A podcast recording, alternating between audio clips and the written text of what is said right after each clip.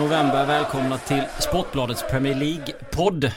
Patrik Syk har kastat in handduken och jag har kommit in med min småländska stämma här. Eh, Fredrik Jönsson och eh, jag såg att Kalle Karlsson som sitter med mig till höger snackade om en Newcastle-rant. Jag tänkte att jag skulle skita i att göra det den här gången. Eh, så istället ska vi fokusera på Kalle Karlsson och Frida Fagerlund. Hur mår ni? Eh, ja, vi har haft en, en, diskussion om det där. Det är ju trots allt måndag så att eh, två plus. Två plus? Mm. Kalle med? Ja, jag hävdar ju att, eh, jag hävdar ju att livet eh, är eh, standardläget är 4 plus. Lite idag, idag, är det bara, idag är det bara 3 plus eftersom det är november och ja, jag gillar inte kyla så att det är väl det som drar ner det. Men annars hade det nog varit 4 plus ändå. Glenn Hysén och du är på 4 plus? Nej, Glenn Hysén är ju stand, standard 5 plus. Ja, det, för mig känns han som 4. Är det så? Vin Liverpool eller Göteborg vinner så går han upp på 5. Ja, då är det nästan 6 plus för han är ju en av de som har fått 6. Eh. I vilket Getinge. fall som helst så blev ju jag cynikern här helt plötsligt. Det trodde jag inte. Jag trodde jag var den, den positiva. Mm. Men där hade man fel. Ja. Ja, nej. Uh, nej, ja precis, precis. Uh, Premier League ska vi prata om och vi börjar väl med en kille som förmodligen är 1 plus. Slaven Bilic. ja, Eller? Ja det får man väl säga. Eh, jag tror i och för sig att han har vant sig vid tanken för han har ju suttit löst rätt länge. Eh, han har ju vetat om att han fick två matcher eh, och eh, The writing was on the wall när mm. de blev så utspelade i helgen och, och eh, när han inte lyckats vända den här gången också, eh, heller. Han har ju faktiskt fått eh, leva på lånad tid på den här posten rätt länge. Förra mm. säsongen så var det ju jättemycket rykten om att han skulle få foten. Men West Ham har inte varit någon klubb under Gold Sullivan ledningen som har sparkat tränare mitt i säsong. Det är ju ganska sällan de har gjort det mm. under, under deras styre. Eh, och Bilic med den historien han har i, i West Ham och den eh, liksom auran han hade fick ju Efter väldigt många chanser. Efter första säsongens succé ja. fick ju jättemånga chanser att, att vända på det här. Nu kändes det ju verkligen som att eh, han hade kört ganska, inte bara in i väggen utan igenom den där väggen och fram till nästa vägsände. Mm. Faktiskt, det, det fanns inget annat val än att, än att förändra. För att nu nu är West Ham inblandad i en bottenstrid och det känns inte som att han kunde eh, liksom ändra på det. Det blev ganska talande också tyckte jag då när Snodgrass gick ut i början på säsongen och eh, berättade om när han skulle debutera i West Ham och Billich frågade honom om han ville spela till höger eller till vänster. Eh, och då tyckte ju Snodgrass att en tränare ska väl ha koll på var jag passar mm. bäst. Mm. Och menade väl på att det visar lite att Bilic kanske inte är en sån kompetent tränare och kanske inte klarar av riktigt att, att träna ett lag på den här nivån. Mm. Och det kan man tycka Absolut. Jag tänker att många gånger man höjer på ögonbrynen och tycker att det är fel att en tränare inte får tillräckligt mycket eh, chanser, många chanser. Vi har ju Crystal Palace exemplet till exempel med Frank de Boer. Det finns, finns många massa sådana exempel. Men här har vi verkligen en som har fått möjligheten länge att bevisa att han skulle sitta kvar. Men han har ju verkligen, det, det är ju inget snack här. Nej, eh, och jag för mig att när Slaven Bilic eh, anslöt till West Ham så för mig att eh, det sades redan då att han är en sån tränare som gör det väldigt bra i början i, i sina mm. klubbar. Och eh, snacka om det där lite grann nu på lunchen faktiskt innan vi eh, kom hit. Just det där med Alltså jag kan tänka mig att han, han har ju en, en speciell aura. Eh, och han har ju den delen så att när, eh, när han tar över en ny grupp så tror jag att de sveps med av den auran och den lever han på en viss tid. Mm. Men när den inte bär längre då tror jag att han är väldigt begränsad och det har visat sig i, i, eh, i inte bara här i West Ham utan även tidigare i hans tränarkarriär. Eh, så ja, eh, i det här fallet så kan man faktiskt känna det du är inne på att han mm. faktiskt har fått för, för mycket tid. Även om jag gillar honom. Man gillar ju mm. Bilic och det där är ju någonting som jag också har hävdat väldigt länge just det här med mediabilden av en tränare påverkar ju så enormt mycket hur alla eh, bedömer en tränare. Mm. Hade han varit en tråkmåns som inte hade liksom spelat i sitt egna rockband då hade han varit borta för länge sedan. Mm. Men nu eh, varenda neutral fotbolls eh, liksom, tittare gillar ju Slaven Bilic. Han är väldigt sympatisk. Han eh, har den här andra sidan av sig som framställs som en skön kille som mm. verkar ganska avslappnad och Eh, det har ju hjälpt honom enormt i, i, i det sättet som han har blivit bedömd, i alla fall i media. Mm. Ett av mina starkaste minnen är när, eh, jag tror var Payet som gjorde mål i någon landskamp och Billich var med i något tv-program samtidigt. Och han ställer sig på bordet och höjer armarna i skyn som, eh, jag vet mm, inte riktigt vad han försöker. Eh, han blir glad i alla fall för att han spelar, eh, gjorde mål och det är väl lite så man har, man har sett honom som en, som en skön en skön snubbe. Mm. Sen är det ju det där, det är ju jäkligt roligt det där att Alltså gör du resultat då kan du ju bete dig hur som helst. Ja. Och gör du inte resultat då kan du inte göra kan någonting. Inte göra någonting. Jag tänkte på det till exempel, det här var under VM eh, senast. Kommer du ihåg Mexikos tränare? Mm. Han var extremt karismatisk. Ja, han liksom fyra mål som Conte gånger sju egentligen. Ja. Han var helt vild på linjen och sådär. Han blev jättepopulär snabbt så tog han en selfie liksom eh, på sig själv med laget i bakgrunden i omklädningsrummet. Alla tyckte fan vad cool han är liksom. Och det hyllades liksom. Tänk om Erik Hamrén samtidigt, jag tänkte på det då. Om han hade tagit en selfie på sig själv med svenska landslaget i bakgrunden i omklädningsrummet. Hur hade reaktionerna då blivit på att Erik Hamrén tog en selfie? Han hade blivit totalsågad. Ja. Garanterat. Ja. Men det är just det där att det spelar egentligen inte så stor roll vad du gör. Det, det är resultatet som kommer att, eh, det är det du blir bedömd över. Det är liksom, du kan göra vad du vill. Bara du får match, eh, liksom resultaten med dig. Nej, sant. Mm. The Choice One kom in. The Football Genius som jag kallar honom. Ja. Eh, det är roligt faktiskt med David Moyes men han, han har ju verkligen gått från att vara the chosen one till att bli en Ja tyvärr alltså för att man lider ju med honom med någon slags eh, Eh, clown. Ja, clown faktiskt. Och, um, allt börjar ju med att han tog på sig det här Manchester United-jobbet som han inte var redo för. Mm. Sen Real Sociedad var ju... Mendy. ja, alltså det var ju jättekonstigt ja. att han ens fick det jobbet. För att han är inte alls kompatibel med spansk fotboll överhuvudtaget. Jag höll på att tappa hakan när jag bara tanken på David Moyes liksom i Baskien i ett lag som ska spela fotboll och ja, det kändes helt konstigt. Där var han ett år, sen fick han gå därifrån. Sen han tog... slog, han var med och var mot Barcelona va? Stämmer, ja, stämmer. Men då ska man veta att Real Sociedad vinner alltid på Anoeta ja. mot Barcelona. Messi satt ju på bänken från början. Ja okej, okay, det hade jag inte koll på. Men eh, de brukar slå Barcelona i alla fall hemma. Eh, och sen hoppade han på Sunderland där han eh, då slutade sist i, i Premier League. Ja. Så hans eh, aktier tycker jag inte är tillräckligt starka för att få West Ham jobbet. Så att eh, jag är lite förvånad över att det är han som liksom Nu stod han ju inte högst upp på Eller högst upp på den här önskelistan. Det var ju namn som Marco Silva, Pellegrini och Roberto Mancini vad jag förstår som Ja men alltså en Marco Silva hade ju säkert varit jo. jättebra för West Ham. Nu tror jag inte de har råd att köpa loss honom och jag tror inte att Watford släpper honom och sådär. Men det känns ändå som att det kan finnas andra namn som borde stå högre i kurs än David Moyes. Faktum är att han har ju historia i West Ham och han är inte helt, eh, alltså han har inte samma rykte där som han har i, i, i Newcastle så att eh, Ja alltså Alan Pardew här, David Moyes här. Jag är inte säker på liksom, eh, liksom att den ena är sämre än den andra. Vi har en Thomas Tuchel också som är, som är arbetslös. Kan du få loss honom till West Ham tror du? Ja men alltså varför, varför inte egentligen?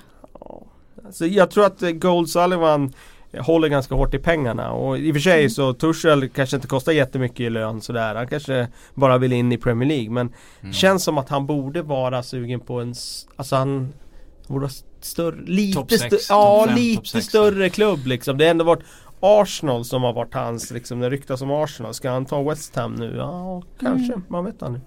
Nej, det hade varit häftigt. Ja det hade det. Men det är lite kul nu att eh, nu, nu verkar David Moyes vara på väg in i West Ham. Eh, det ryktas om Sam Allardyce till, till Everton. Och så, och så snackas det ändå hela tiden om att eh, vi måste ge de unga engelska tränarna chansen.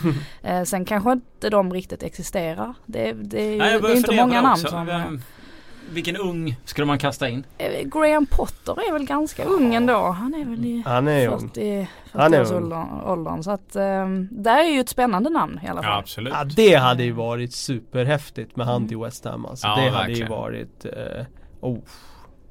ja, Jag tror att han är redo för den typen av jobb. Uh, Men då, får man, då får man förhandla med Kind, Kindberg och det är inte så lätt. Nej det ja. känns Man har väl, hans kontrakt är ju inte jättelångt. Det går väl ut nästa sommar.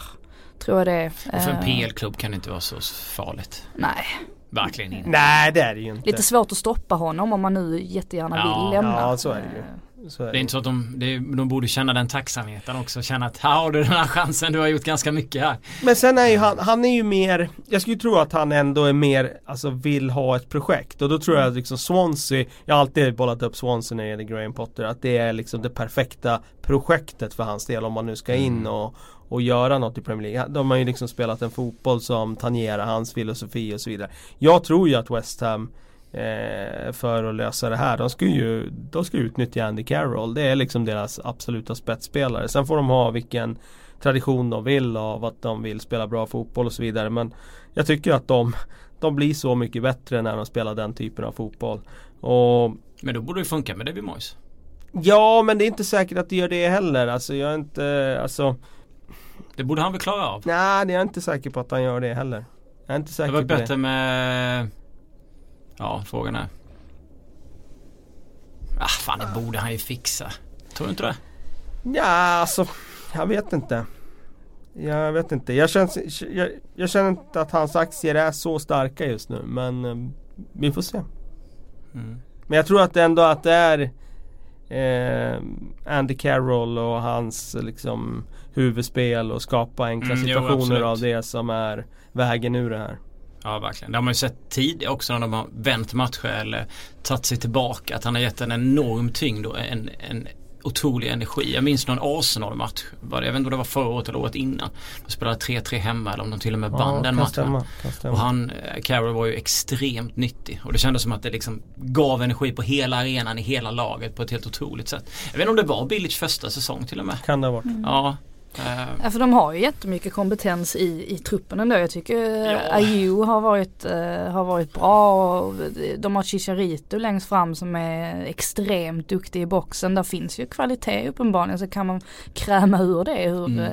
ur en sån spelartrupp. Så det är klart att det kan att det ska gå bättre egentligen än vad det har gjort nu hittills. Men det känns väldigt obalanserat. Jag håller med dig om att det finns kvalitet där framme. Men Alltså mittfältet nu med Mark Noble som jag vet inte vad karln sysslar med. Mm, han har ju alltid varit en riktig mittfältslunga som har krigat 100% och vunnit dueller och sprungit och sådär. Han Ja jag vet inte hur mycket han har gått ner sig nu de senaste två åren. Nu är han ju Han borde sitta på läktaren, han borde inte ens vara på bänken. Eh, så svag tycker jag han var i den här senaste matchen och det säger ju ändå någonting om han startar när han är så svag som han är just nu. Backlinjen är inte heller övertygande. Winston Reed var ju en jättebra försvarare för ett par år sedan. Mm. han känns inte alls på den nivån längre. Nej. Kan vara billigt fel. Vi får se. De, ja absolut, absolut. Det är klart att det kan bli ett lyft för de spelarna när det kommer in en ny röst. Mm. Everton.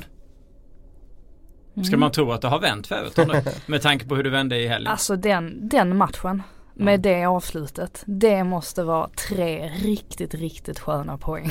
Ja, jag vet fan om det går att få bättre poäng. Eller skönare poäng ändå. Med tanke på hur det har sett ut. De har ju bara radat upp liksom. Förluster, förluster, förluster. Och sen ligger man under. Och så vänder man.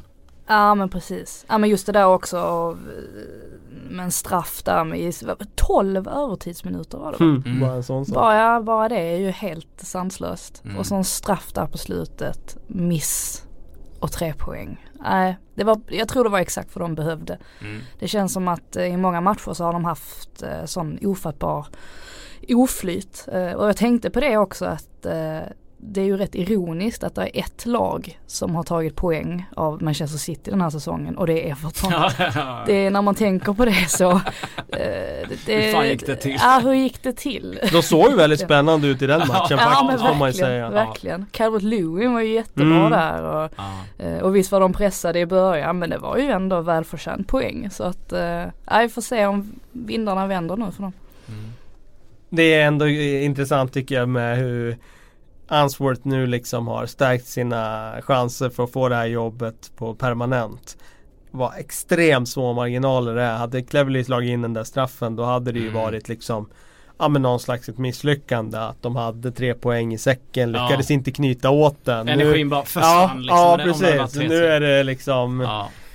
Men jag tror inte att han får jobbet permanent. Det återstår ju att se här. Men mm. det känns som en utländsk ägare så tror jag att han kommer att eh, kanske vilja ha något säkrare namn. Är det inte lite synd för dem att det är ett uppehåll nu egentligen? Jo det är det ju när de Man tänker på att, de, att man vann nu efter de här mötena mot Lyon som har varit rätt smärtsamma. Det var skit på läktaren och det har varit förluster och var slagsmål där på hemmaplan och det var ja, det ena med det andra. Så det känns som att de här poängen som kom nu så blir det liksom paus direkt efter att man nästan måste svära lite högt ändå för att man tänker att man har liksom fått igång Mm. Eventuellt då fått igång. Man vet inte, det här kan ju vara en ja, engångsföreteelse. Å andra sidan så går man ju, man brukar ändå prata om att det alltid är bra att gå till uppehåll med positiva känslor mm, kring klubben. Så kan de bara eh, försöka hålla det här i närminnet, eh, mm. att de trots allt lyckades ta tre poäng i den här otroligt jämna matchen så eh, kan de väl kanske förhoppningsvis eh, dra nytta av det. Sen är inte den jävla klyschan där uppehållet kommer lägligt. Nu kan vi samla lite energi och komma tillbaka. Ja men jag, jag, kan ändå känna, ja, men jag kan ändå känna, känna, att det finns någonting i det. Det är alltså eh, Har du en dålig trend och du får en vecka där du liksom bara får eh, Ja men Hämta kraft igen men inte så mycket fysiskt utan mer mentalt så är det klart att man kan intala sig själv att det, det, det blir en ny start efter uppehållet liksom. Mm. Jag tänkte prata igen om, eh, eller ännu mer om det här med att de ersätter tränare till höger och vänster. Det är ju rätt bra rullians alltså i Premier League måste man ja, säga. Ja det får man verkligen säga. Det har ju inte gått så lång tid. Är det fyra ändå... sparkningar nu hittills va? Ja. Ja. Det, ja vilka är det? Det är Shakespeare, Billich. De Boer. De Boer. Och det är ju en till va? Är det inte en till? Jo det är en till. Ja jag ska kolla här bara för det. Ah, eh. Nej kanske bara tre då. Ja det är nog bara tre. Ja bara tre. Vad har vi spelat? Elva omgångar? ja. Ja, Koman också. Ja, Koman, ja, just det. Ja, ja just det. Vi, vi pratade precis om Everton. Det var, det var för... Alltså shit. Han är där i, det är guld och gröna skogar och allting och är så otroligt trevligt. Southampton och allting så tar han klivet över. Southampton går ju inte, går inte så bra nu i och för sig efter försäljning av han. Så kommer han över dit och sen så gör de den här Fyra stycken i november, det är rätt mycket alltså. Ja, det, för, ja. för, det brukar smälla till däremot i december. Ja, när det liksom har gått och ja, börjar närma sig halvtid liksom och där. Mm. Eh, för jag man vet får att, handla lite också kan bygga. Jag minns, och... nu är det här länge sedan men det, säg att det är 8-9 år sedan. Då minns jag att det var ett år där det var väldigt många som bara plötsligt i december bara fick foten. Mm. Alltså det bara pang pang pang. Det var som mm. att det öppnades en dammlucka och då när en klubb gjorde då bara kom nästa och nästa och nästa. Eh, men fyra i början av november det är många. Är någon mer ni ser? Ja men det, det, det, det är många som blir satta under press. Ja. Det är klart att Pulis Ja faktiskt. Jag löst. Alltså ja. det sjuka är ju att han gör det med tanke på nu att de är så extremt dålig trend. De har alltså två segrar på sina 20 senaste matcher i mm. Premier League. Ja det är helt sjukt. Ja det är riktigt, eh, riktigt svagt med tanke på den svaga våren där och då um, Det är klart att när han har så tråkig fotbollsfilosofi ja. så att han redan har fansen, vissa fans delar i alla fall emot sig av det så om man inte vinner heller då, då kan han sitta löst. Jag såg någon eh, undersökning som var gjord innan Huddersfield-matchen. Mm. Eh, där West Brom-fans hade röstat om de ville ha kvar eh, Pulis eller inte. Och det var 76% som ville ha bort honom. Innan Huddersfield-matchen. Mm. Så man kan tänka sig att de procenterna kanske stigit lite nu eh, efter den matchen. Men det säger ju en del ändå. Mm. Och är inte de nöjda så, nej visst, supportrarna har kanske inte lika mycket makt i England som, som de har i eh, exempelvis Sverige men någonstans så eh, är det väl klart att eh, en klubbledning säkert lyssnar lite grann på vad ja, de vill. Absolut. Jag känner att jag gått in och dammat av massa lag i kris här när jag kommer in och ersätter mm. psyk istället för att prata om de lagen som, som dansar på i, i, i trevligt. Men, men eh, för att liksom gå över till den om man tittar då på, på, på Tottenham Crystal Palace i, i helgen. Eh, börjar det bli någon ordning på Palace? Tycker ni?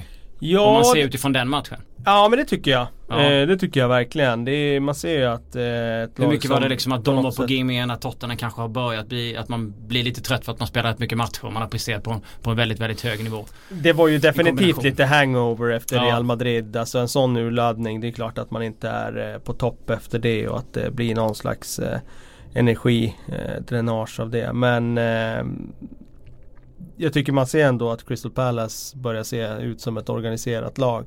Sen mm. har de dessutom det där hotet framåt med Wilfred Zaha vilket gör att de kan vinna matcher på en individuell prestation vilket de inte kunde de första 6-7 omgångarna. Så att äh, det är jag tyckte de hade otur alltså. De ska göra 1-0 när Zaha får den där gratismöjligheten ja. där när han rundar Gazzaniga. Och får de det då, då får de minst en poäng med sig från den här matchen. Det är jag övertygad om. För Tottenham skapar inte mycket alls. Och det var både att Tottenham var svaga och att Crystal Palace nu eh, i alla fall ser ut som en fungerande enhet.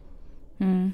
Ja men jag verkligen, jag eh, håller med till, till 100% och, och visst Spurs fick lite ytor där i, mot slutet när, när Palace var tvungna att trycka upp laget men eh, annars så tyckte jag verkligen att eh, Palace var förtjänt av i alla fall en poäng. Eh, det är väl det där lilla när man har en trupp som är lite bättre kvalitetsmässigt så kan man ändå ta tre poäng eh, i slutändan trots att man kanske inte kommer upp i nivå. Det var väl, det var väl lite det vi såg av Spurs. Mm, absolut, Nej, för man, när de är i nivå så brukar de ju damma av den här typen av motstånd. Relativt enkelt ändå hemma. Ja, jag får väl liksom snickra vidare på min 5-3-2 tes här nu som jag drivit ja, i ett antal poddar här. Jag hävdar ju att det är ett extremt eh, Alltså i de allra flesta fallen är det extremt defensivt och baktungt system och det är jättesvårt att spela ja. så och göra det offensivt. Har du jättebra spelare så kan du göra det. Men de flesta lagen blir väldigt baktunga och det såg man nu på Tottenham. De har spelat mot Real Madrid och Dortmund och Liverpool och mm. sprungit sönder dem, kontrat sönder dem med 5-3-2. Det är en helt annan sak. Mm. Men de själva mot Crystal Palace ska vara det laget som skapar. Då är det betydligt svårare och det tycker jag man såg i den här matchen att eh, eh jag tyck, de skapar knappt en målchans i första halvlek och vi brukar ju se Tottenham på hemmaplan som i alla fall löser på och styr matcherna men eh, Nej, jag är inte helt övertygad och jag är inte helt imponerad heller av det här 5-3-2 eh, experimentet som Pochettino kör nu. Ja, absolut ett sätt att spela i Europa mot jättebra motstånd. Absolut ett sätt att spela mot topplagen i Premier League men eftersom han har ett så flexibelt lag och har visat det tidigare att han har det så tycker jag absolut han bör fundera på om man inte ska spela 3-4-3 när, eh, när de själva vill föra matcherna. Blir 5-3-2 med Karlberg borta och annat hemma eller? Vet man aldrig. Känns lite som det med, med när man hör dig eh, snacka om det. Nej men intressant med, med Palace då se vad, vad som händer efter uppehållet. Det är ju roligt också att Palace tar emot Everton. Mm. Hemma. Att, att, att de är jumbo i tabellen mm. eh, tycker man ju är ganska eh, märkligt ändå när man ser dem spela. Eh, jag satt och tittade på matchen med en uh, ointresserad uh, kompis som blev uh, jättechockad uh, när han insåg att, uh, att Palace ligger sist i tabellen. Han, han tyckte också att det där var jättemärkligt. Ja. Säger han det? Ja men absolut men eh, jag tänkte på det också när jag kollade igenom den här tabellen överlag där nere när West Ham och Swansea och Palace och Everton och Bournemouth och West Bromwich ligger där nere. Mm. Att det känns lite konstigt. Vissa har ju haft tränare som varit under ganska lång tid så man tycker att fan, ni borde ha någon slags grundspel som ändå sitter för att plocka en del poäng. Uh, så att, jag är lite förvånad över det också måste jag säga. Grymt viktig seger för uh, bottenkollegan Bournemouth. Absolut. Den var rätt äcklig också. Ja. Så vi behöver inte gå in på det. jag tänkte att vi skulle styra in på den där Newcastle-ranten nu. Nej, det var så jävla äckligt alltså. När man eh, håller på hemmalaget. Att den bollen sitter så sent. Det finns egentligen inte mycket mer när man sitter och tittar på en fotbollsmatch. Man har känslor för ett lag och det kommer ett mål sent som betyder en poäng eller tre poäng. Men, men när ett sånt mål betyder liksom noll poäng så vill man ju nästan Alltså det känns som att man har kastat bort en viss, att två timmar av sitt liv och man vill liksom spy inombords när man sitter och kollar. Eh, för att det där målet kommer så sent. Det var ett lite tveksamt bortdömt mål i den matchen också va? Jo. Offsiden där. Ja, absolut. Um, Nej, ja. så det var, ja, det var inte kul. Men eh, som sagt. Men känns, känns de inte lite väl defensiva Newcastle? Mm. Jo, abs jo, det tycker jag väl att de Men alltså det, samtidigt så eh, Så känns det ganska vettigt med den med den, eh, med den truppen. Vi pratade om det som var inför mm. säsongen att de inte hade värvat ja, så mycket. Så jag tycker att han är, han är vettig när han väljer att köra på det här sättet. Jag tror att de hade blivit mycket mer sårade om de hade valt en annan typ ja. av fotboll. Uh, så jag tycker ja, att den, det. det här tankesättet är smart och han har verkligen satt det hos många. Uh, jag tycker inte de bjuder på jättemycket heller. Nej, det, varit, det gör de ju inte. Nej, de är varit, väldigt tajta bakåt. Så. Tottenham innan den här utvisningen i, i, första rundan tycker jag ändå visade att man var rätt duktiga på liksom uh, tråka och sådär. Sen är det klart att ja, man har haft lite flyt i några matcher. Man Nej, jag tycker inte det är jättekul att se honom spela. Nej. Det, men, eh, men jag köper också det du säger. Han har inte jättebra material. Nej. Det har han inte. Uh, och jag är jävligt nöjd om man uh, tar poäng borta. Och sen liksom är du nöjd med klarat kontrakt och sen? Ja absolut, ja. utan tvekan. Jag hoppas ju plats, som sagt att Även om plats 17? Ja, ja, för att eh, som det är nu så verkar det komma in en ägare. Sen är det klart att man kan alltid hålla på och dividera om, om, om en ägare är bättre än annan med tanke på var pengarna kommer ifrån och sådär. Men när man haft Mike Ashley under så pass lång period så skiter man nästan i vem det är som tar över. Utan ja, man godtar allt. Mm. Och man vill ju någonstans se en satsning. Det satsas ju i alla andra hörn i, det är den moderna fotbollen så man får ju någonstans acceptera det. Ja, Raffa var väl ganska tydlig också på presskonferensen efter matchen. Just det här med att eh, jag har kämpat sedan första mm. september sa han ju ändå. Ja. Och det är ju antagligen en liten känga åt att han, ja. han tycker väl inte själv att han har spelarmaterialet för att kunna Nej. spela en så pass offensiv fotboll. Å andra sidan så släpper de in väldigt lite mål. Ja. Eh, och ibland funkar ju det ja, hela vägen ut. Och sen så ibland åker man på sådana här 0-1 eh, förluster. Jag tror jag gjort 10 mål eller någonting och släppt in typ 10 mål mm. efter 11 omgångar eller någonting. Eh, och det är klart det fanns målchanser här och, och, och få med sig och få med sig poäng utan tvekan. Något stolpskott och sådär. Uh, så att, men ja. Jag är ändå eh, nöjd. Sen är det, det, det, är klart att man, man ville väl eh, vara högre upp i en tabell. Det kändes lite overkligt där när man var på en sjunde plats några omgångar sen. Och låg och nosade kring Liverpool och Arsenal. Nu är man nere lite längre ner där man ska vara. Så att, ja. Skit i dem. Eh, vi fortsätter med topplagen. Eh, vi, när, vi, när vi ändå pratar 5-3-2, vi, vi snackar om Tottenham, med Tottenham som förlorade senast mot United. United spelade 0 mot Liverpool, slog Tottenham hemma och nu förlorade man mot Chelsea i en, eh, en annan typ av eh, fotbollsmatch. Jag vet inte om ni läste bränningen, jag tyckte att det var pinsamt att se. Eh, det läste ni det han skrev? Mm. Ja. Eh, vad tyckte ni om den? Nej, alltså, Höll ni med honom? Nej, det kan jag inte säga att jag gjorde. Jag vet inte riktigt. Alltså kanske såg en, en såg det på annat sätt än vad jag gjorde. Alltså det var ju väldigt väntat båda lagens liksom, sätt att tackla matchen. Mm. Eh, det var inga överraskningar där. Eh, jag tycker återigen att Manchester United eh, Ja, de var bättre första kvarten. De mm. styrde matchen där Absolut. och hade lite initiativ. Men på det hela taget så är det fortfarande en alldeles för defensiv inställning. De åker dit med 5-3-2, de anpassar sig efter Chelsea, de... Eh...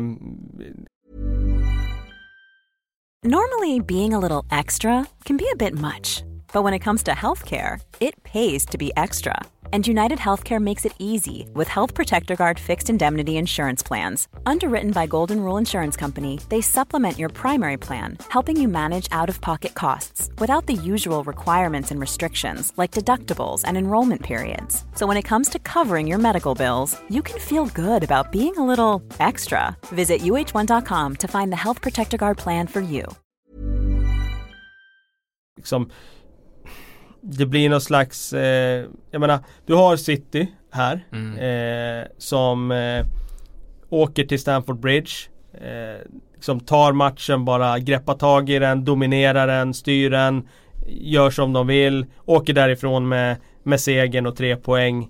Eh, och så har du Manchester United som man tycker i alla fall med den här starten i, i ligan bör sikta på att utmana dem. Sen om de är kapabla att göra det, det är en helt annan sak. Men med den starten i ligan och de pengarna de har spenderat och så vidare så tycker man ändå att de borde liksom aspirera på det. Men Mourinho har ju inte den det är bara att konstatera, han har inte den eh, liksom filosofin utan det är liksom så fort det är en toppmatch så är det Ja, det, vi, vi, ska först liksom hålla nollan och sen får vi se om vi kan få någon liksom något bonusmål eller något eh, någon bonuschans för att liksom få den där 1-0 med, med oss. Det är det, det, det, det som man landar i och jag tycker att eh, det har blivit en väldigt negativ liksom vändning av den Absolut. här United-starten. Ja, menar, allting börjar ju med Liverpool borta där. Ja. Och visst, han slog Tottenham nu då, eller han, han, laget slog Tottenham hemma här nu då. Men eh, det, det är fortfarande för många negativa insatser med det materialet de har. Jag, jag, jag kan inte säga att de hade tagit färre poäng på de här matcherna nu med Liverpool, Huddersfield, Tottenham och Chelsea om de hade spelat med Rashford och Martial i startelvan båda två till exempel. Martial tycker jag alltid ska spela. Ja, jag tycker, jag tycker också är, det utifrån vad de har. Eh... Jag tycker han är sjukt bra alltså. När, när, han, när han väl känner för att hoppa, när han hoppar in så är han ju nästan alltid överlägsen sin motståndare för att han är piggare och han går direkt liksom. Mm. Ehm. Sen undrar man ju lite hur, hur det hade sett ut om Pogba eh, hade varit med för han bidrar ju ändå med någon sorts kreativitet som, eh, som lite grann saknas nu. Eh, Absolut. Alltså Matic i all ära men det känns ju som att eh, defensivt är ju han, eh, fungerar han ju väldigt bra men han behöver ju någon bredvid sig som, som gör de här, eh, som har den här lite mer fria rollen som mm. Pogba har och kan liksom få till lite fler uppspel för nu ser det ju lite, ser lite stabbet ut. Det är samma med Lukaku, jag tycker någonstans så har han sett ganska baktung ut de senaste matcherna.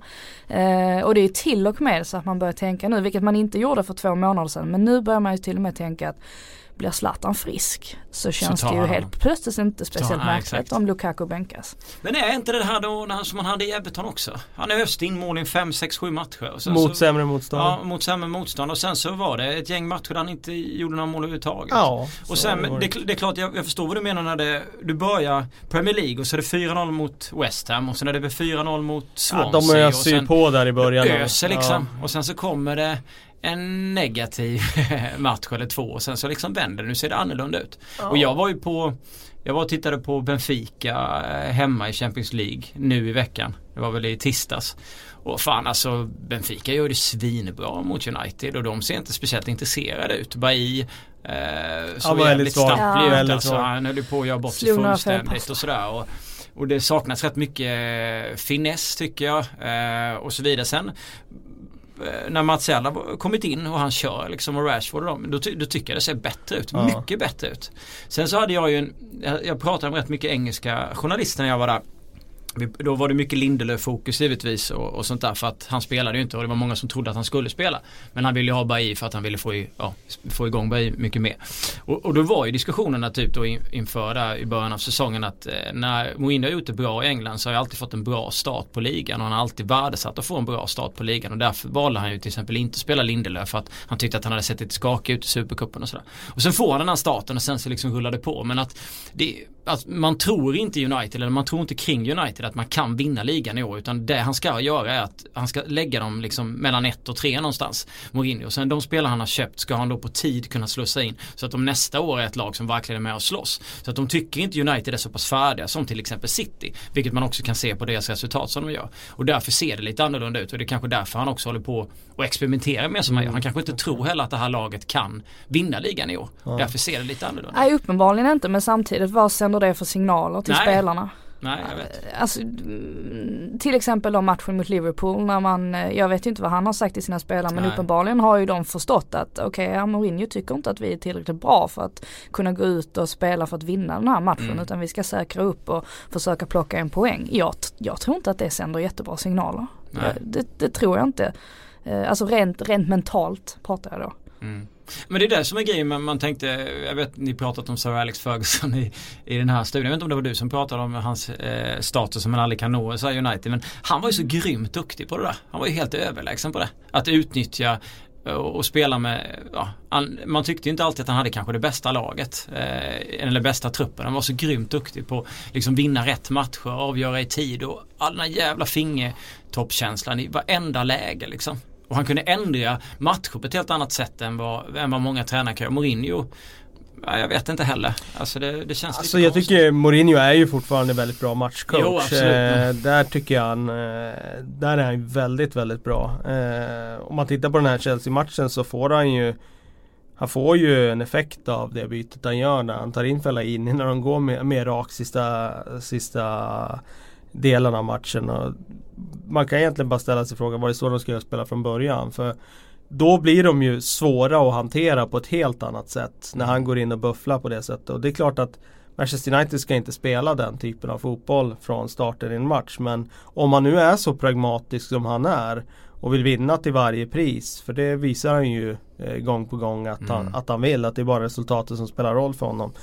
Ja, då borde de kanske spela så från början. Vågar han inte spela så? Jag vet inte. Jag, jag tror att, att han ska få skit. Det kan ja, men jag tror att han tänker liksom att eh, fembackslinje mot Chelsea, det, då, då, då får vi 0-0. Och sen får vi en chans så ska vi hugga på den. Och, och lite som mot Tottenham. Att eh, vi tar den bonuschansen som dyker upp och sen tar vi ett 1-0 och går hem med det. Mm. Sen måste man ju lyfta Chelsea också. Eh, ja men Kanté som uppenbarligen betyder extremt mycket för dem. Eh, tänkte på det med Fabregas, han har fått ganska mycket skit de senaste matcherna och blivit kritiserad. Och nu ser man ju verkligen att när han har en Kanté bakom sig eh, så blir ju han otroligt mycket bättre. Ja. Eh, ja, och samma, samma Kristensen eh, tycker han fortsätter att göra det jättebra där bak och eh, han kan säkert eh, även spela till sig en ordinarie plats i, i den eh, i den backlinjen, det tror jag. Eh, så det var ju jättemånga, särskilt Morata, hans avslut där, hans nick. Visst han är inte markerad men det är ändå, ändå svårt att få den, eh, få den vinkeln på, Skönt på nicken. Skönt att avgöra en sån typ av match också med tanke på att han kanske inte fick de bästa orden efter de andra toppmatcherna mot, ja, ja, jag kommer inte ihåg vilka det var han fick. Man fick en del skit mot. Jag kommer inte ihåg vilken match det var. Men han fick i alla fall kritik. Han blev utbytt en av dem, han var skadad också. Var det mot Tottenham? Ja men det var när han hade varit skadad. Då. Ja exakt. Ja. Så jag, jag, kan tänka mig att det måste vara skönt också för honom och, och, och en, en sak som, det finns ju ett väldigt intressant klipp eh, eh, som någon satte ihop på eh, och spred på Twitter ganska rejält där med Mourinho för att han han gick ut och sa att andra tränare alltid gnäller på att de har skador och så vidare. Och nu, vi kan väl själv ut och sa att de saknar ett par eh, viktiga spelare och, och Pogba och sådär. alltså han är, på så vis är han ju väldigt, eh, alltså han är helt otrolig egentligen runt media. Ibland undrar man hur han själv tänker. Alltså han planerat alla de grejer. Sen, sen så rör det inte honom i ryggen. Han liksom blir aldrig påverkad av, av alla de här grejerna han sätter igång. Eller alla grejerna han säger. Han, han, det var någon som skrev det på Twitter. Jag tyckte det var väldigt eh, passad, eller var väldigt eh, träffande sådär. Han, eh, man får ge Mourinho att han eh, han har pratat om liksom att andra pratar om att, äh, att de har skadade spelare. Mm. Han pratar bara om att andra pratar om att, att, han, att han har skadade spelare. Nej, det, var, det, det var bra formulerat i alla fall på att ja, kontentan var ju att han lyckas ju på något sätt eh, styra om budskapet och understryka att de också har skadade spelare. Men han gör det ju alltid på sitt sätt. Liksom. Men han känns som han var det efter Tottenham han gick ut och sa att ni får bedöma hur jag spelade. Jag tänker inte prata om det. Precis i första intervjun som han hade. Mm. Vad gjorde han sa du? Han gick ut och sa att ni får bedöma hur vi spelade. Jaha, jag tänker inte okay. prata om det. Sa han i, i, i ja, okay. tv-intervjun. Alltså han, han håller ju alltid på med någonting. Hela tiden i stort sett. Det ska alltid snackas om någonting. Mm. Ja så är det ju. Ja. Ja men precis, men det är väl, eh, jag tror ju säkert att allting är uträknat. Han tänker ju innan. Eh, ja går det så här så kommer jag, alltså. Ja men precis, nu vill jag ha den här reaktionen från media, nu vill jag ha den här. Mm. Och sen så är han ju ganska smart ändå för att om till exempel några av hans spelare har gjort en liten sämre insats eh, så är han ju alltid duktig på att vinkla om hela, då börjar han prata om en massa annat och så glömmer media ja. bort så här, ja okej. Okay. Så man, han får ju dem ändå ur balans ganska skickligt. Det får man ja, man snackar om att Ander Herrera hade dragit upp att attityden det var Just väl han det, som var så dålig efter Huddersfield. Ja. Och egentligen det man tänkte på efter Huddersfield det var ju Lindelöfs miss ja. där han skulle nicka bort Då skyddade han ju Lindelöf på det ja. sättet genom att göra att rubrikerna handlar om något annat. Och det där är han jätteskicklig på. Och nu blev ju, det var ju ganska tacksamt för Nu han har ju en del rubriker om just att de inte skakar hand efter matchen där, ja. Konto och han. Det var ganska symboliskt av Conte att han, ju... bara gick rakt ut på planen efteråt liksom. Försökte han också fördumma ju när hon ställde frågor om det efter matchen och, och försökte spela så här, eh, spela korkad och bara vad, vad menar du? Men gjorde han inte det mot Stoke också? Han tog sket och tar mark i handen jo, och så blev det diskussioner där också det... och det var det ena med det andra typ. Han var ju inte jättenöjd. Nej. ja, men man ser just det där med att skydda spelare det, det såg man ju inte minst nu mot Benfica att han låter mm. eh, blint ta, eh, ta straffen eh, mm. istället för Lukaku med motiveringen att Lukaku har inte råd att missa en till till rent eh, mm. eh, mentalt. Eh, det är ju rätt intressant ändå att eh, säga vad man vill men han försöker ju verkligen, han försöker skydda de mm. spelarna han gillar i alla fall. Sen, ja. är, sen är det klart att ibland så eh, Luke Shaw kanske inte haft Nej, Luke Shaw har inte, har inte varit en, en favorit. Han skyddar inte honom lika ofta. Nej, det, han har ju sina favoriter onekligen men, men de han de han bryr mm. sig om, de bryr han sig verkligen om. Känns ju som att Lindelöf är en favorit. Ja, men det är ju han som har värvat ja, honom. Eh, svårt att inte mm. eh, försvara honom då mm. kan jag tycka. Mm. Ni kommer nog få mer se mer av honom sen framöver i, i Champions League. Så det ska bli, ska bli kul att se vad, vad som händer med Victor. Eh, Manchester City, har de avgjort ligan eller? Ja, jag tycker det. Eh, 31 poäng nu, närmaste 23 på United va? Ja, det är 8 poäng och yes. Det är väl mer den där känslan av man ser Jag menar 8 poäng så här långt in på säsongen det, det kan man ju äta upp och det har ju ätits upp tidigare många gånger men det är just den där känslan av att de är lite för bra för de andra mm. lagen. Det, de andra lagen har sina brister. Och det är klart att ett Tottenham skulle kanske kunna vara stabilt nog för att tugga sig till de här segrarna. Som de gjorde nu i helgen och vann mot Crystal mm. Palace trots att de inte spelar bra. Men jag ser inget av de andra lagen, varken Chelsea, United, Arsenal eller Liverpool. Eller Burnley för den delen. som, som kan eh, utmana City. Nej, men det känns ju som att det några gånger finns brister i City och då är det försvarsspelet. Men då ska försvarsspelet liksom fortsätta vara sårbart under säsongen samtidigt som att det ska liksom gå skogen i, i, i offensiven. Ja, de, gör ju tre, de gör ju tre, fyra mål ja, per match så att eh, det, det måste vara riktigt dålig Ja, defensiv. då måste man ha tre, fyra matcher. Det går riktigt risigt och är Tottenham liksom och sen så måste ju den som utmanar dem i stort sett nästan går rent hela tiden med tanke på hur mycket mål de gör. Mm, sen, sen hade de ju lite flyten då mot Arsenal får man jo. ju säga såklart. Eh, med ja, du tänker på straffen och offside-målet? Ja exakt, att det ändå är, är, är, mål som Absolut. kanske inte hade varit mål. Men å andra sidan så är de ju hela tiden där i, i offensivt ja, då får man ju med straffområde. Oftast, ja men precis, det, det, är ju lite så de, de skapar, de är ändå där och de skapar ändå de de eh, chanserna på något sätt eh, och hotar ju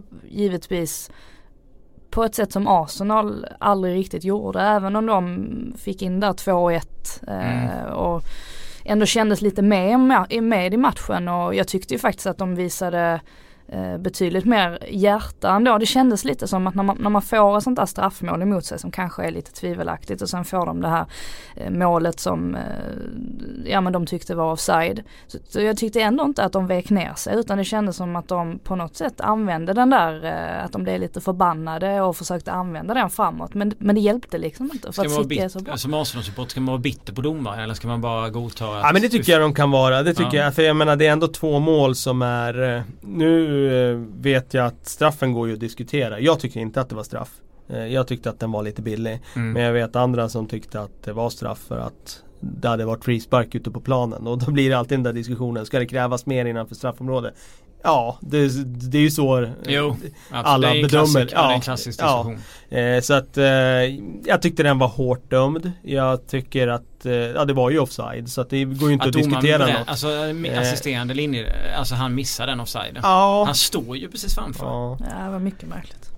Samtidigt var, det ju inte, samtidigt var det inte så mycket offside heller som, eh, som eh, alla trodde från början. För det, när man såg det, det tyckte jag också, då tänkte man att det där var två meter. Ja. Men det var det ju inte. Nej, det, det, var, var ju bara ja, ett ben som ja. stack ut typ. Och det är klart det går snabbt och det är inte så himla enkelt alla gånger. Vi tycker att han borde ha sett det och det borde han väl kanske ha gjort men det är kanske svårt när, när den närmaste personen är offside. Istället om det hade varit en Arsenal-spelare. Nej, jag tror sett en City bakom första gubben så att säga. Då har du sett att han hade stuckit ut. Det kanske det är, jag vet inte. Det svåra är just det där när, när en back flyttar upp samtidigt som en springer i djupled. Ja. Då går det jätte jättefort och då ja. snackar vi liksom hundra och tiondelar liksom ja. för att avgöra. Och ögat kan ju egentligen inte göra det utan det blir ju någon slags en känsla eller någon slags Är det där vi ska ha tv-kamera? Ja, då blir det inte mål alltså, jag, jag, jag, jag, Då blir det 1-1 i den här matchen. Jag tycker ju offside skulle kunna vara en sån där tv-kamera-grej. Hellre det än straffa faktiskt i min, mm. i min värld faktiskt. För offside är mer, det går att ta på. Antingen är det offside eller så är det inte offside. Mm. Eh, men tillbaka till City. Mm. Jag tycker de har en period i första halvlek där de är formidabla. Mm. Eh, och där man liksom jag sitter bara och njuter när jag ser dem spela nu i mm. vecka efter vecka. Jag tycker de, jag har alltid njutit mest av att titta på spansk fotboll. Eh, trots att jag säger det i den här podden. Så är det faktiskt så. Men eh, just här och nu så får Barcelona, Real Madrid och eh, Bayern München och de andra lagen där ute i Europa ursäkta. Just nu så, så är det City som jag helst tittar på. För de, eh, de tangerar den där högsta nivån som, eh, som vi har sett ute i Europa tidigare med faktiskt med Barcelona och Real Madrid och det här. De, alltså det, det, är så mycket i deras spel som, som är på så extremt hög nivå. hur de spelar sig ur situationer från målvakt och lag som försöker komma åt dem i pressen men de bara Ja Det är några vägspel och så är de ur det. Deras fart i, i omställningar men det är också kvaliteten i tekniken på det de gör eh, när, det, när det är trångt på sista tredjedel. Det är, ja, det är helt otroligt att se. Så att eh, hade de varit effektiva den här matchen. Nu var ju faktiskt inte eh, Sterling det i den här matchen. Nej. Han hade kunnat gjort eh, betydligt mer av ett par chanser. De Bruyne som eh, alltid brukar vara så finkalibrerad och slå fram den där sista passningen. Han missar ju faktiskt ett par tre som han borde ha gjort bättre i andra halvlek. Så även om de hade lite tur med de där domsluten så tycker jag att ett skarpt City, de hade gjort 5-1 i den här matchen ändå. Mm. Med att de ändå har så mycket lägen och det vittnar om att det finns en så extremt hög nivå i det här laget. Ligan är klar? Ja, jag tycker det. Eh, utifrån att det inte finns någon utmaning. Ja, det är väl tot- det är Spurs i så fall. Det är inte en skada som skulle kunna stoppa det? Ja, det är det ju såklart. Det är, det, så är det ju. Det är klart att Fernandinho Skada skulle ju förändra saker. Det skulle förstöra en del. Mm. Ja. Och i eh, Champions League så är det en storspelande Manuel Neuer gånger två i en, i en semi så kanske kan slå ut dem eller något liknande. Ja men där, där är det klart att där kan ju Real Madrid, Barcelona, Barcelona och de där vakna till. Ja. Bayern också nu under ny tränare Heinkes ja. här så det är klart att det finns lag där ute i Europa som kan matcha dem och till och med vara än Kul dem. Kul att se om man har fått se Jupp mot Pep i, i en slutspelsmatch. Ja, det, det hade jag gillat. Jag gillade ju Jupp innan. Jupp. När, innan Pep kom dit och tog över. Eh, nej, men han, Pep har ju visat för att han är ett geni så det är väl inget konstigt när han har det spelarmaterialet också. Så ja, då blir det ju som det blir. Mm. det går inte. Men var det fel av eh, Wenger att ställa upp som han gjorde? Borde han ha spelat med Lacazette eller vad? Ja, det kan man ju såklart känna. Att eh, försöket med Sanchez där framme blev ju inte lyckat. Eh, så ja, det borde han ju ha gjort. Och sen eh, var jag lite frågande kring om Sen är det klart Det är lätt att säga nu med Med facit i hand och de förlorar matchen och så vidare. Och de var ju som sagt, de hade ju otur med domslut. Och vi kommer alltid bedömas efter resultat så att uh, hade det inte blivit de där domsluten så kanske vi hade suttit där och sagt att Wenger gjorde helt rätt. Men mm. Coquelin mittback. Ah, du gillar jag, inte det? Nej, jag var inte jättefan av det. Det var jag inte. Och jag är inte jättefan av den där fembackslinjen heller i Arsenal just nu. Men ska de spela någon match så kanske det är mot City borta. Mm. Då kanske skulle lätta på det i andra matcher däremot. Vad kan man kräva av Arsenal den här säsongen? När man ser dem stormatcher. Förlorar. Det känns som att det går lite, det går lite upp och ner. Men just det där med, med Lacazette. Det, det är väl klart att man eh, att Wenger har en eh, motivering varje gång han mm. väljer att göra sådana här grejer som att bänka en spelare han har betalt en halv miljard för. Eh, sen samtidigt så, eh, han försätter ju sig själv i en, i en väldigt konstig position ja. för att om det inte faller väl ut, som det inte gjorde nu mot City, då måste han ju sitta och försvara det där. Ja. Ibland kan jag tycka att varför... varför Spela med honom istället. Ja men kan... ställ bara upp med en ja. säker elva ja. eh, och, och försök liksom inte att konstla till det så värst mycket. Då är det spelarna som får ta skiten i första läget. Sen så får ju Wenger ta skiten i andra läget när spelaren inte har presterat under en, en längre period. Men när han bänkar honom från början och man vet att han är målfarlig. Man vet vad han kostar. Och han, han bänkas i ett sånt här möte när du inte kanske får så många målchanser och du måste vara klinisk. Så tänker man att fan borde du inte lira med honom då? ja, men exakt just när det var mot City. Där han redan ah. är liksom, där, där, Arsenal redan är på något sätt i underläge mm. redan innan matchen. Mm. just att man gör en så, jag, jag, jag, vet inte, jag tycker det är konstigt. Det var väl någon slags tanke om att de skulle utnyttja Sanchez i pressspelet som, mm. som man brukar vara jättebra i. Uh, men det funkade inte den här gången och ja, som sagt. Vi, vi, vi har den tacksamma rollen att vi kan säga saker med, yeah! med facit i hand. Det, det är underbart. Alexis Sanchez, det pratas ju en del om honom nu. Ja, jo. Vi hade ju egna uppgifter på att han var klar för City där, men det blev han väl inte riktigt just då. Sen kan jag inte säkert att det, det, det, var fel. Jag hörde från någon engelskt håll där att eh, jag tror att Arsenal typ öppnade för det men eh, mot City men de hade egentligen aldrig någon tanke av och göra sig av med honom. De bara jävlades lite. Och nu hade ju Bayern gått ut, Rummenigge var det väl som sa att han, eh, han ska inte hit. Men han har hittat någon klubb, det var något snack om det. Ja. Så att man får väl räkna med att han försvinner eller? Han sitter ju ett tätt bud i januari sägs det ju. I januari ska han in i det laget som, som funkar så bra liksom. Ja men de behöver ju lite mer anfallskraft där framme. så att, så att... Eh, Blir inte det lite löjligt? Alltså, ja, det, det blir lite ja. obscent att värva honom i januari. Om de nu gör det. Vill säga, om de nu gör det. Men eh, jag, jag, tror ju att eh, om han inte liksom rycker upp sig nu så eh, kan det ju finnas anledning för Arsenal att och casha in i januari. Mm. Annars är det noll kronor i sommar.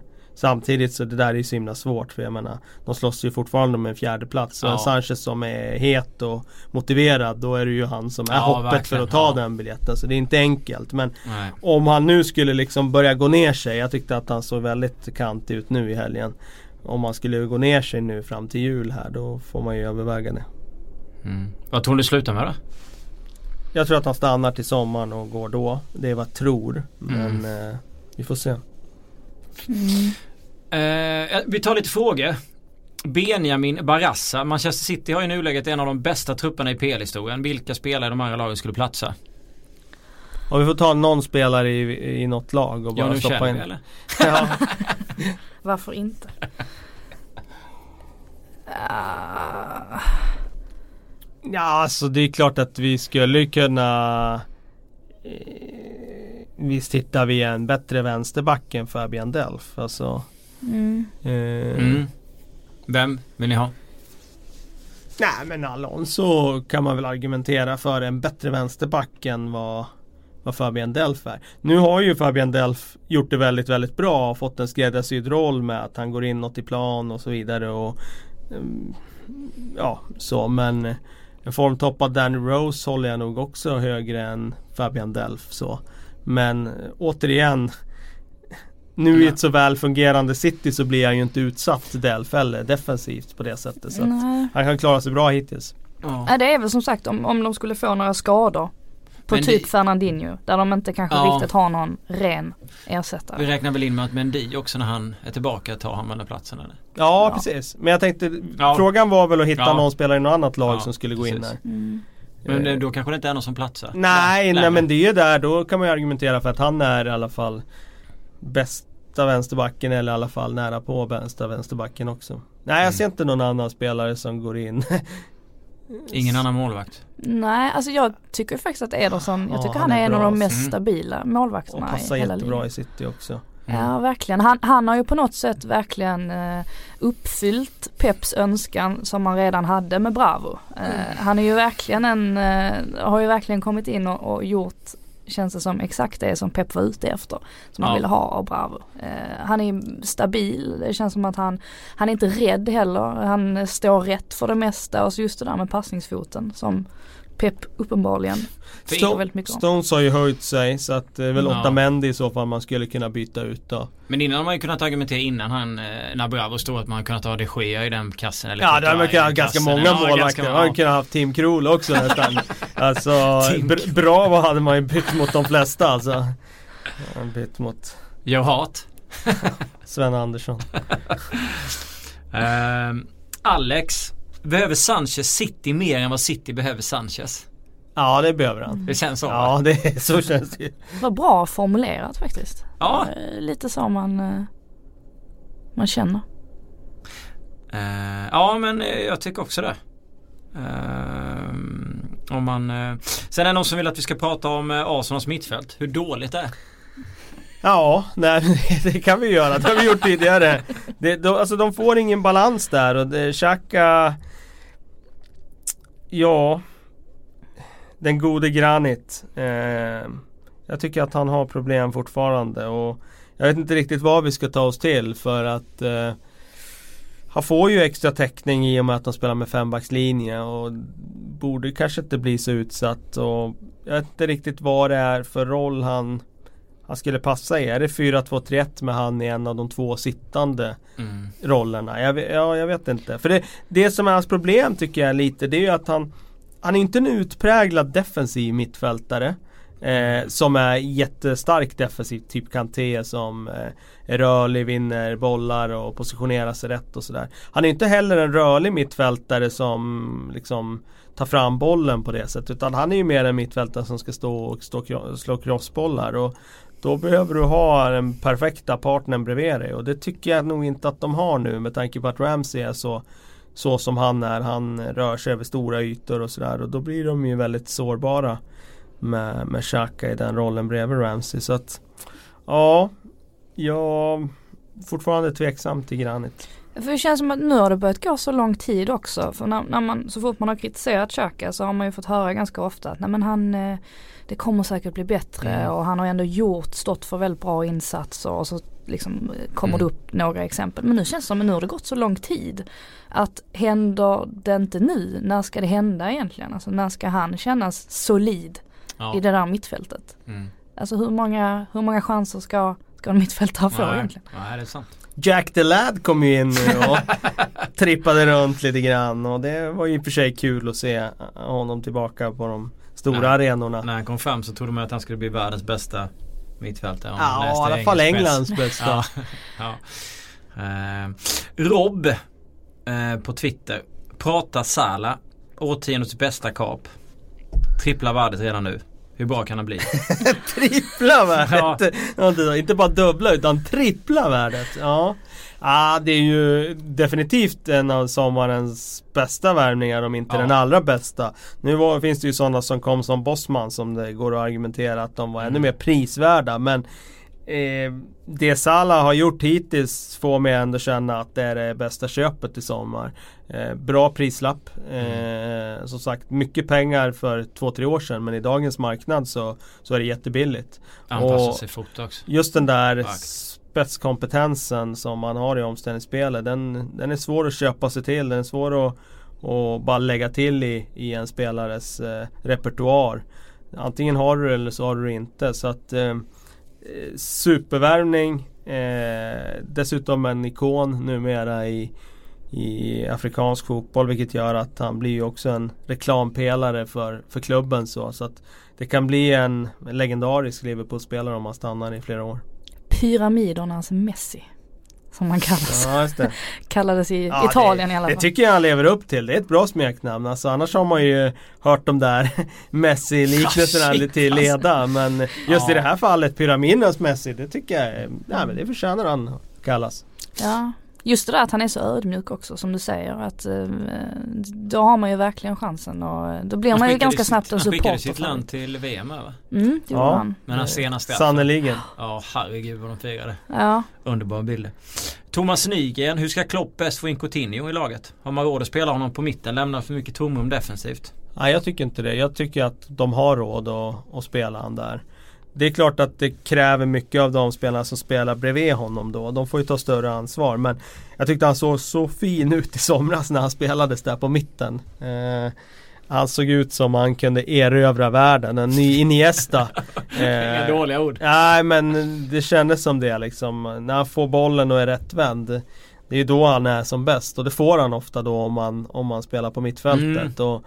Eh, kan, liksom, kan skapa grejer av ingenting alls. Och sen hans passningsfot är ju eh, mästerlig så han får ju fler möjligheter att slå fram de där sista liksom, avgörande passningarna tycker jag från en lite lägre position. Så att jag skulle gärna se han där eh, och då är det upp till de andra att och ta ansvar. Då och... spelar han i Barcelona nästa säsong då? Ja det, det, mm. finns ju såklart eh, sak, saker som talar för att han eh, är Iniesta ersättaren i Barcelona någon gång, ja. Mm. Peter Andersson, vad har hänt med Watford?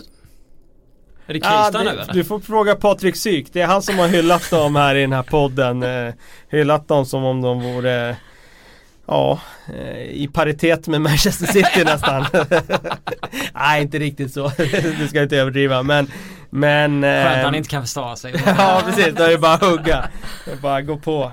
Nej, men eh, skämt åsido så de, de, de är väl som, som de övriga. De är ju den där skaran där i, bakom de stora lagen. Jag tror inte att det finns så mycket som det kommer inte vara så mycket som skiljer de där lagen åt och det kommer vara olika klubbar som är uppe och känner på den där platsen. Nu är det Burnley som är etta. Först var det Watford, sen är det Burnley. Snart om några veckor kommer det vara någon annan klubb som är uppe och känner på den där sjätte, sjunde platsen temporärt. Förmodligen sjunde platsen för topp 6 kommer väl rycka iväg. Vad säger vi om mm. Burnley då? Ja Burnley det är ju bara att lyfta på hatten. Ja. Inte så mycket mer men på tal om Watford så Richarlisons mål igår. Det var inte... du gillar Richarlison? Ja men det var inte uselt. Nej det var fin. Men det var riktigt fint. Va? Man gillar väl han? Ja, ja men Frida är, men där, snackar mycket eh, Det gör jag faktiskt. Men, men det är för att man får lite känslan av att han blir nog inte kvar i Watford. Nej, så kan det eh, speciellt vara. länge. Om han fortsätter leverera på det här Nej, sättet. Nej, jag håller med. Det var ett klassmål alltså. Mm. Får man ge han. Men det är Richarlison som gäller för mig. Rest, alltså hela Watford, det, det, det är psyk. Ja det är psyk. Mm. Tobias Eriksson, är Mkhitaryan tillräckligt bra för att spela 10 i United? Eller är det bara inte en brutalt nu. dålig form? Ja uh, just nu är han ju brutalt dålig form. Uh, så bra som han var i starten av säsongen så är han ju tillräckligt bra för att starta som 10 i United. Just nu är han nere i en rejäl formsvacka. Han ser ut och uh, inte har något självförtroende och uh, har ju absolut inget inflytande i matcherna överhuvudtaget. Uh, och han samlade ju assist på hög där i början av säsongen så att han skulle nog, jag vet att Bojan Djordjic har varit inne på det i studion men i Viasat där men han skulle nog faktiskt må bra av att hamna på bänken nu och få en lite andningspaus. Om ni, vi har pratat en del topplagen, vi har redan liksom slagit fast att eh, City förmodligen vinner ligan med tanke på hur det ser ut. Men om ni tittar i botten då? Och kollar på de lagen som ligger där nere. Det har bytts en del tränare och du var förvånad för att Crystal Palace ligger där nere. Eller folk tycker. Hur tror ni det där slutar? vad, vad, känner ni att liksom vilka lag flaggar ni mest för ligger, ser sämst ut efter 11 omgångar och förmodligen kommer ramla ur? Alltså jag tror att Palace klarar sig. Du tror det? Ja. Ja det tror jag. Du sätter bli... hoppet till Roy där? Ja men jag skulle bli förvånad. Alltså, Roy, Roy och 4-4-2 Ja men fortsätter de att spela så här som de spelar mot Spurs så ja. är det ju konstigt om de inte plockar poäng längs vägen. Jo. Eh, men sen är, det, sen är det ju tight. Det är, ja. Jag tror Swansea får problem alltså. Eh, de har problem och de eh, Känslan är att truppen är inte så himla bra alltså. De värvar liksom Renato Sanchez och Wilfred mm. Boni mm. och man tror att det Vad fan är lyftet? ja, på tal om psyk så hyllade ju han deras sista dag på fönstret. Han, han, han, han, hävd, han hävdar ju att det var det bästa liksom, jag, jag sista dygnet i hela Europa. De var heta då alltså, ja, de 24 de. timmarna. Det var de heta, det kan ingen förneka. Uh, men sen ska ju jobbet göras på plan också. Jag tror att de har uh, en tuff säsong framför sig och ett krig runt de fyra sista platserna. Och klarar de sig så är det platsen att strecket. Men det är ju också det här med, med Palace. Man tänker sig, de har ju i och för sig, jag tycker väl att de, de har ju eh, en vassare offensiv. Men om man tittar på, på, på Newcastle för ett exempel som försvarar sig bra. Eh, oftast kan det bli så att när man väl då ska öppna upp sig mot lite sämre motstånd. Brighton torsk, eh, Bournemouth torsk sent. Burnley sig borta en tuff match. Eh, Huddersfield usel insats bortaplan 0-1. Det är 0-1, 0-1, 0-1, 0-0. Det blir liksom inga mål framåt och, och, du, du försvarar dig jättemånga matcher mot bra motstånd men du har liksom egentligen ingen riktig attack att komma med och då känner man lite att tar man inte sina, alltså man hamnar ju där nere, du, du kryssar och tar eller är nära att ta poäng mot Tottenham men du vinner inga, du tar inga treor. Och det är väl det som, det är det som är jävligt tufft ändå. När du inte liksom har de vapnen. Du, du bygger din filosofi på det sättet och sen så, ah, det måste komma något mer. Eh, och jag vet inte om eh, vilka lag som riktigt har den Alltså det, jag skulle säga att det, det är ganska många lag där på underhalvan som inte har mm. de här mm. vapnen. Det är därför de ligger där. De mm. har inte de här matchvinnartyperna för att eh, få de här enkla segrarna, enkla individuella prestationerna som avgör matcher. Eh, jag, jag skulle säga att det är ganska många lag som har samma problem. Jag håller med om att Newcastle har det. Och ja, då blir det extra viktigt att man att man inte förlorar de här mötena med bottenkonkurrenterna så att de får ja. poängen i de matcherna. Liksom. Ja. Och sen då så ska du plocka in folk och så vet du att det är en viss anpassningstid och det inte riktigt funkar. Då kommer det dit folk från Frankrike som är usla och sen så är de bra när de kommer tillbaka till Frankrike igen. Eller så vissa som inte alls slår igenom och det där är liksom det blir som ett ont jävla hjul. Uh, en spiral som bara uh, går rakt ner. Mm. Uh, så den är, ja, den är tuff. Men det, det kommer förmodligen handlas en rejält rejält mycket spelare som vanligt i januari månad. Från en För, x antal klubbar. Av Newcastle? Nej men alltså av ett x antal klubbar kan jag tänka mig. Med tanke på om, om det kommer fortsätta se ut som det gör. Om de byter ägare kan det ju bli en spänningsspree. Jag tänker inte just på dem. Jag tänker på mm. andra klubbar också. Mm. Eller, tog, tog inte, eller går en sån som Roy ut och, och handlar rejält i, i, i januari? Roy han köper in Konchesky på vänsterbacken så får han stå och piska in lite inlägg på Benteke fram i januari. Sen har de räddat det där kontraktet. Andreas Karlsson, vem i PL har gjort den bästa omvända karriären? Slår någon Shakiri, Stoke, inte Bayern? alltså gå från toppen till eh, neråt alltså. Ja, Nautovic har ju ändå gått ja, från eh, Europacupvinnare med, med Inter där och sen eh, eh, ja men, ja, men alltså från, Omvänd, från den alltså bästa. det var Bayern och liksom inte Men alltså José har ju ändå Ja det, har, ja, ja, det får man ju säga Ja det får man säga Kommer ändå från en av, ja, eller förmodligen den största ja. klubben eh, Han och Shakiri där eh, har, gjort, har ju varit i rätt trevliga klubbar ja. Det är mm. sant. Det är sant. Afelai har väl också gjort en eh, Barcelona och Stoke. Det är mycket Stoke också. ja, alla de där hamnar i Stoke. De drar till sig de där. Ja, ja det är sjukt. Lukas Larsson, sämsta målvakten i ligan just nu. Fabianski. Nej men det är ju han eh, Watfords andra målvakt, vad hette han? Eh, som hoppade in nu senast. Han mot Everton här. Han eh, var ju helt ute och cykla. Han gjorde ju en, äh, ja men alltså den, största missen annars gjordes ju i Tyskland. Vad heter han? Mainz, räntemålvakten. ja, det sjuka är att han klarade sig. Jag tyckte det var så fint. Vad, vad, vad var hans ursäkt? Att han, han trodde att han, han såg bollen i ögonen? Han tyckte att han såg något, eh, något vitt i, i, alltså trodde att det var bollen typ. Alltså den är så sjuk.